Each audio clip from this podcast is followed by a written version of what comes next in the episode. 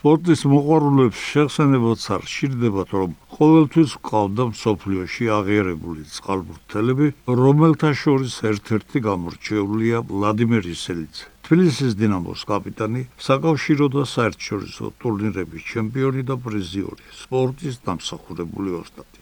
წყალბურთის მოყვარულებმა რასაკვირველია იცით, რომ ვლადიმერ ისელიძეს 25 იანვარს 75 წელი შეუსრულა.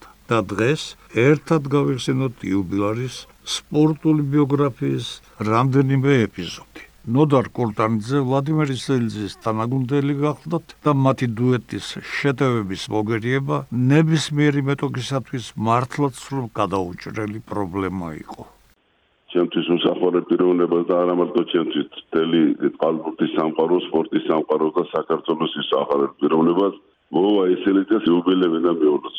მე რო კუნჩი მივედი ვოვა უკვე წამყვანი მოთამაშე იყო და მე ვოვასთან ერთად 67 წლიდან 80 წლამდე ერთად მაგ კარიერა გატარებული მაგრამ მოგესწენებათ მაშინ ძალიან ისეთი დონე იყო წყალბურთის რო ფაქტიურად სულ გვიწევდა ხოლმე ბრძოლა საპრიზო ადგილებისთვის და ნუ ხუთეულზე დაბლაც არ ყოფილვარ და ამაში რომ ისული აქ ჩვენ ვოვა ისელიძეს რა თქმა უნდა უპირობოდ ის არა მარტო ჩვენთვის უფროსი მეგობარი იყო, არამედ ის წლების განმავლობაში თბილისის დინამოს 11 წელი კაპიტანი იყო თბილისის ბევრამეს ნიშნავდა.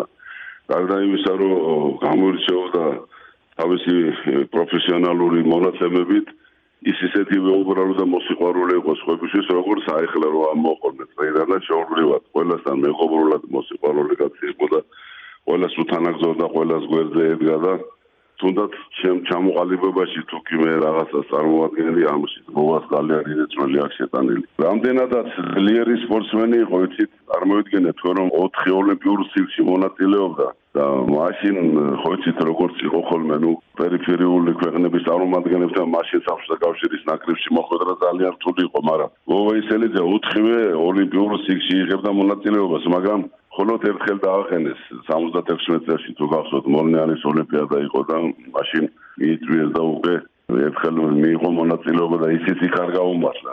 72 წლიდან ყველა ოლიმპიადაზე უნდა ყოფილიყო მაგრამ მაინც და მაინც იქ ოლიმპიადაზე მოხდა. 76 წელში როდესაც ბლუმენტალის გუნდმა დააგო და ბლუმენტალი კიდე ისეთი მწვრთნელი იყო რომელიც მაინც და მაინც არ ყალობდა ოესელ უნივერსალური მოთამაშე იყო რა. თავდასხმელი იყო ნომელანური მაგრამ ერთნაირი სიდერი თამაშობდა ნახევარ-დაცვაში და დაცვაში და თბილისის დინამოს წარმატებებში და საქართველოს ნაკრების წარმატებებში მისი წვლილი შეუფასებელი არის. წყალბურთში ვოაისელიძე უკვე ტოტალურ წყალბურთს თამაშობდა. ყველა პოზიციაზე იყო შეუდარებელი. მოსკოვის დინამო იყო მაშინ ყველა CSKA-ს, MGO-ს ვეთამაშებოდი.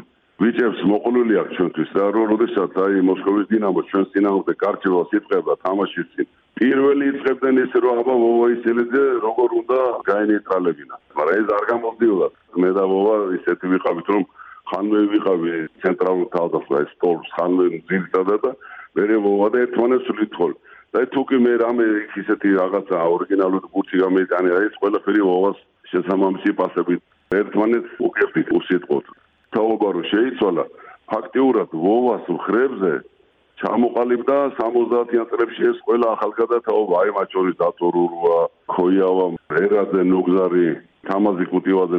შემდეგი თაობა ესე იგი ვინც წამოვიდა. მის მხრებზე თელმა აი ამ 70-იანი წლების ალბურთელების პლეადამ გადაიარა. შემეძლა ასევე ხაზი გაუსვა იმას რომ დატორურვა ყავს ჩვენ იცით მის ჩამოყალიბებაშიც ასევე ძალიან დიდი წვლილი მიუძღვის და ბევრ რაღაცებში თავის გამოცდილებას პირადად გადასცემდა ხოლმე.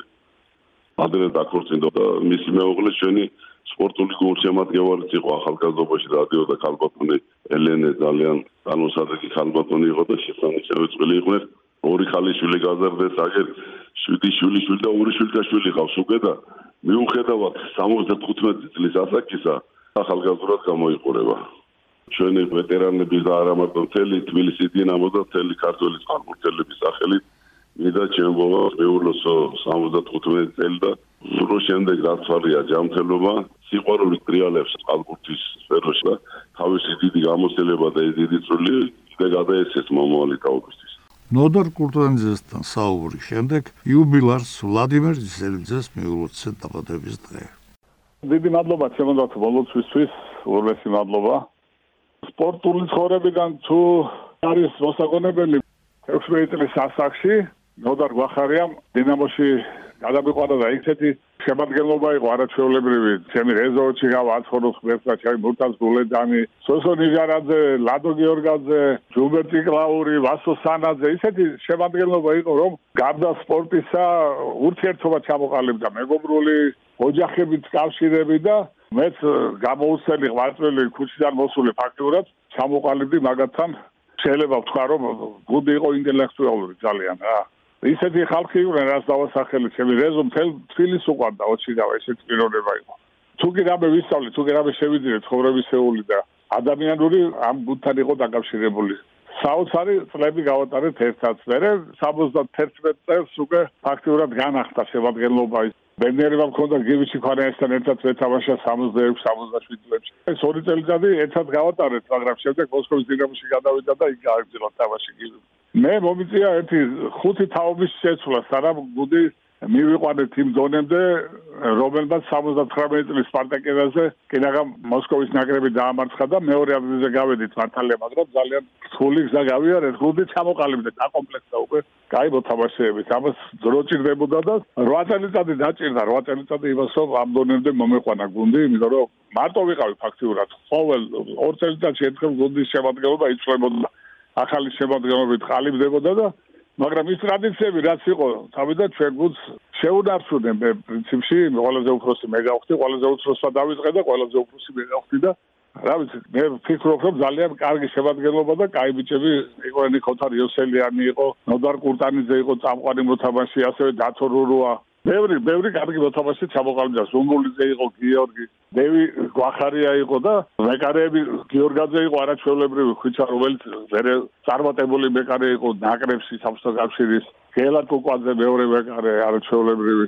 მოკლედ მივახციეთ იმას რაც ესე იგი მართლა მიუხსეველი იყო რასაკვირველია ვლადიმირის ელძე იმედით მოელის რომ უახლოეს პერიოდში როცა წყალბურთისათვის ახალი აუზები აშენდება ნიჭიერი პერსპექტიული ახალგაზრდების რაოდენობაც საგრძნობლად გაიზრდება და სხვაგან ძებნაც აღარ იქნება საჭირო ფუთაისზე ეხლა არის საუბარი რომ აშენდება კომპლექსი. მარტო აუზი კი არა იქნება სპორტული კომპლექსი ფლიანად და კვირდებიან რომ შესანიშნავი აუზი ჩამორდება სულ მოკლე დროში ეს მოხსებს იმის საშუალებას, რომ ქუთაისიდან ველოდოთ კლავისეთ სწრაფურთელებს, როგორც იყო ქუთაისიდან საბოსული ჩვენთან და დინამოში ბიბინოშვილი, ჩიხვადაია, მურთას გულედანი, გიორგაძე, ჩობახიძე, ესენი სულ იქიდან ჩამოვიდნენ, მიუხედავად ცუდი პირობებისა.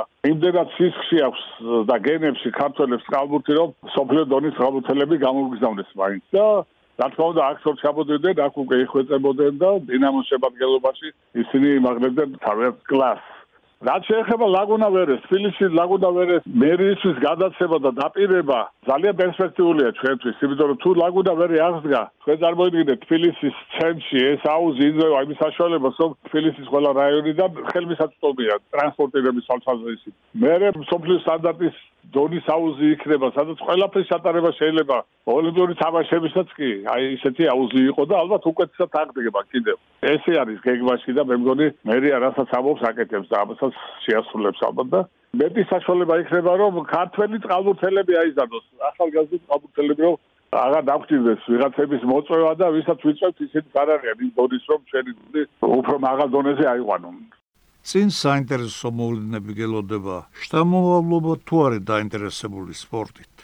შვილთაშვილი უფრო არის ჩემი 13 წლის 14-ის ხდება მალე და კალათბურთს თამაშობს ჩემი დათო ნუცუბიძე და შეიძლება კარგი კალათბურთელის გაიზარდოს არის ძალიან მონდომებული და ვნახოთ. დანარჩენი ბიჭები ახლა უფროსები არიან უკვე ინსტიტუტს ამთავრებენ და ერთმა დაამთავრა ბიჭებიდან ვიძახი. გოგოები არა გოგოები არ გაყვანი ბაინდობენ სპორტს ესე რომ ჩემი ჩემების იმედი მაინც არ ამახ. მარტო აი დათოს სახოთ შეიძლება კალაბუსი გამოუვიდეს ცოტა რიყოს დავიბენე შვილიშვილები თუ შვილთაშვილები ყავს ხედელობაში მე მყავს შვილი შვილი შვილი და ორი შვილთაშვილი დათო აქედან შვილი შვილი მყავს ორი ბიჭი დანარჩენი გოგოები. და შვილთაშვილებიდან გოგო და ბიჭი და აი შვილთაშვილი და დათო რომ თქვი კალაბურს ეტანება მეთქი შეიძლება იმიდან რამე გამოვიდეს. და დარჩენი არა იმიტომ რომ კალაბურზე დამყავდა ორივე მაგრამ არ გამოვიდა. და დავანებეთ მაგრამ ესე მეტრი და 95 მეტები არიან სიმაღლეში და დათვებივით არიან მაგრამ არ ვიცი არ გამოგვივიდა რატოღაც დიდი მადლობა რომ დრო დამითმე.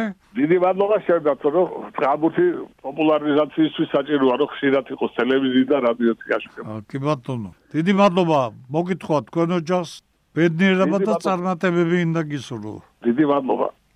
კიდევ ერთხელ გავიმეორებ, რომ ქართველი წყალბურთელები ათეული წლების მანძილზე თელ სოფლიოში გამორჩეულები იყვნენ და ვლადიმერ ისელიძე ჩვენი სპორტის ისტორიის სახელოვანი წარმომადგენელი გახლავთ. თეოდელი შეხვედრა კი ტრადიციულად ფეხბურთით დავამთავროთ. ბათუმიდან ჩვენი მიმოხილველი გია ცანაოვა.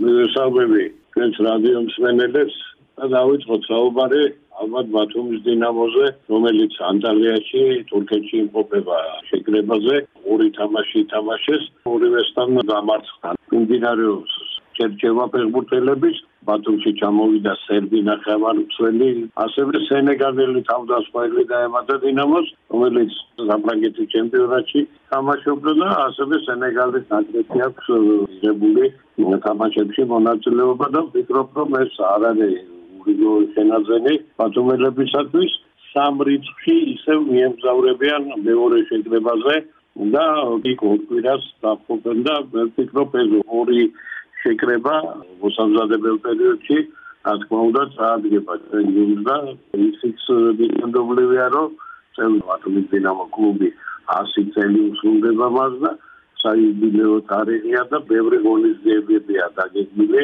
აჭარაში ბათუმში და საფეხბურთო ციეცხლება არ მიცემს გუნდემადგივრად მოწყების საშუალებას, მithumetes რომ 21 წლამდე ევროპის ჩემპიონატის ბათუმში გამართება ჯგუფური შეხვედრები და ნუ საინტერესო თამაშები ველოდება, როგორც ეროვნული ჩემპიონატის, ასევე საერთაშორისო დონის თამაშები და რაც ეხება ბათუმის დინამოს ასისტლის იუბილეს აჯარის ხელმძღვანელობა მთავრობამ ეს წელი 2023 წელი ბათუმის დინამოს წლები გამოაცხადა და ნუ შესაბამისად ღონისძიებები ალბათ ბევრი იქნება და რა თქმა უნდა საინტერესო.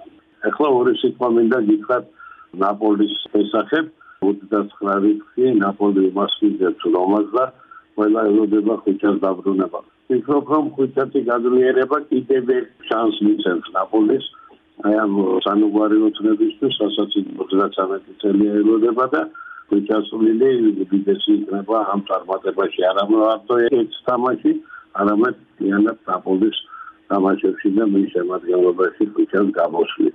წარმატება კიდევ ერთხელ ხუჩას ნაპოლის მეცვა ბევრი სიხარული მომიტანოს თქვენი ფეხბურთელების ისმით და გამარჯვებით. კარგად დანებოდეთ, მადლობთ ყოველ შეხვედრა.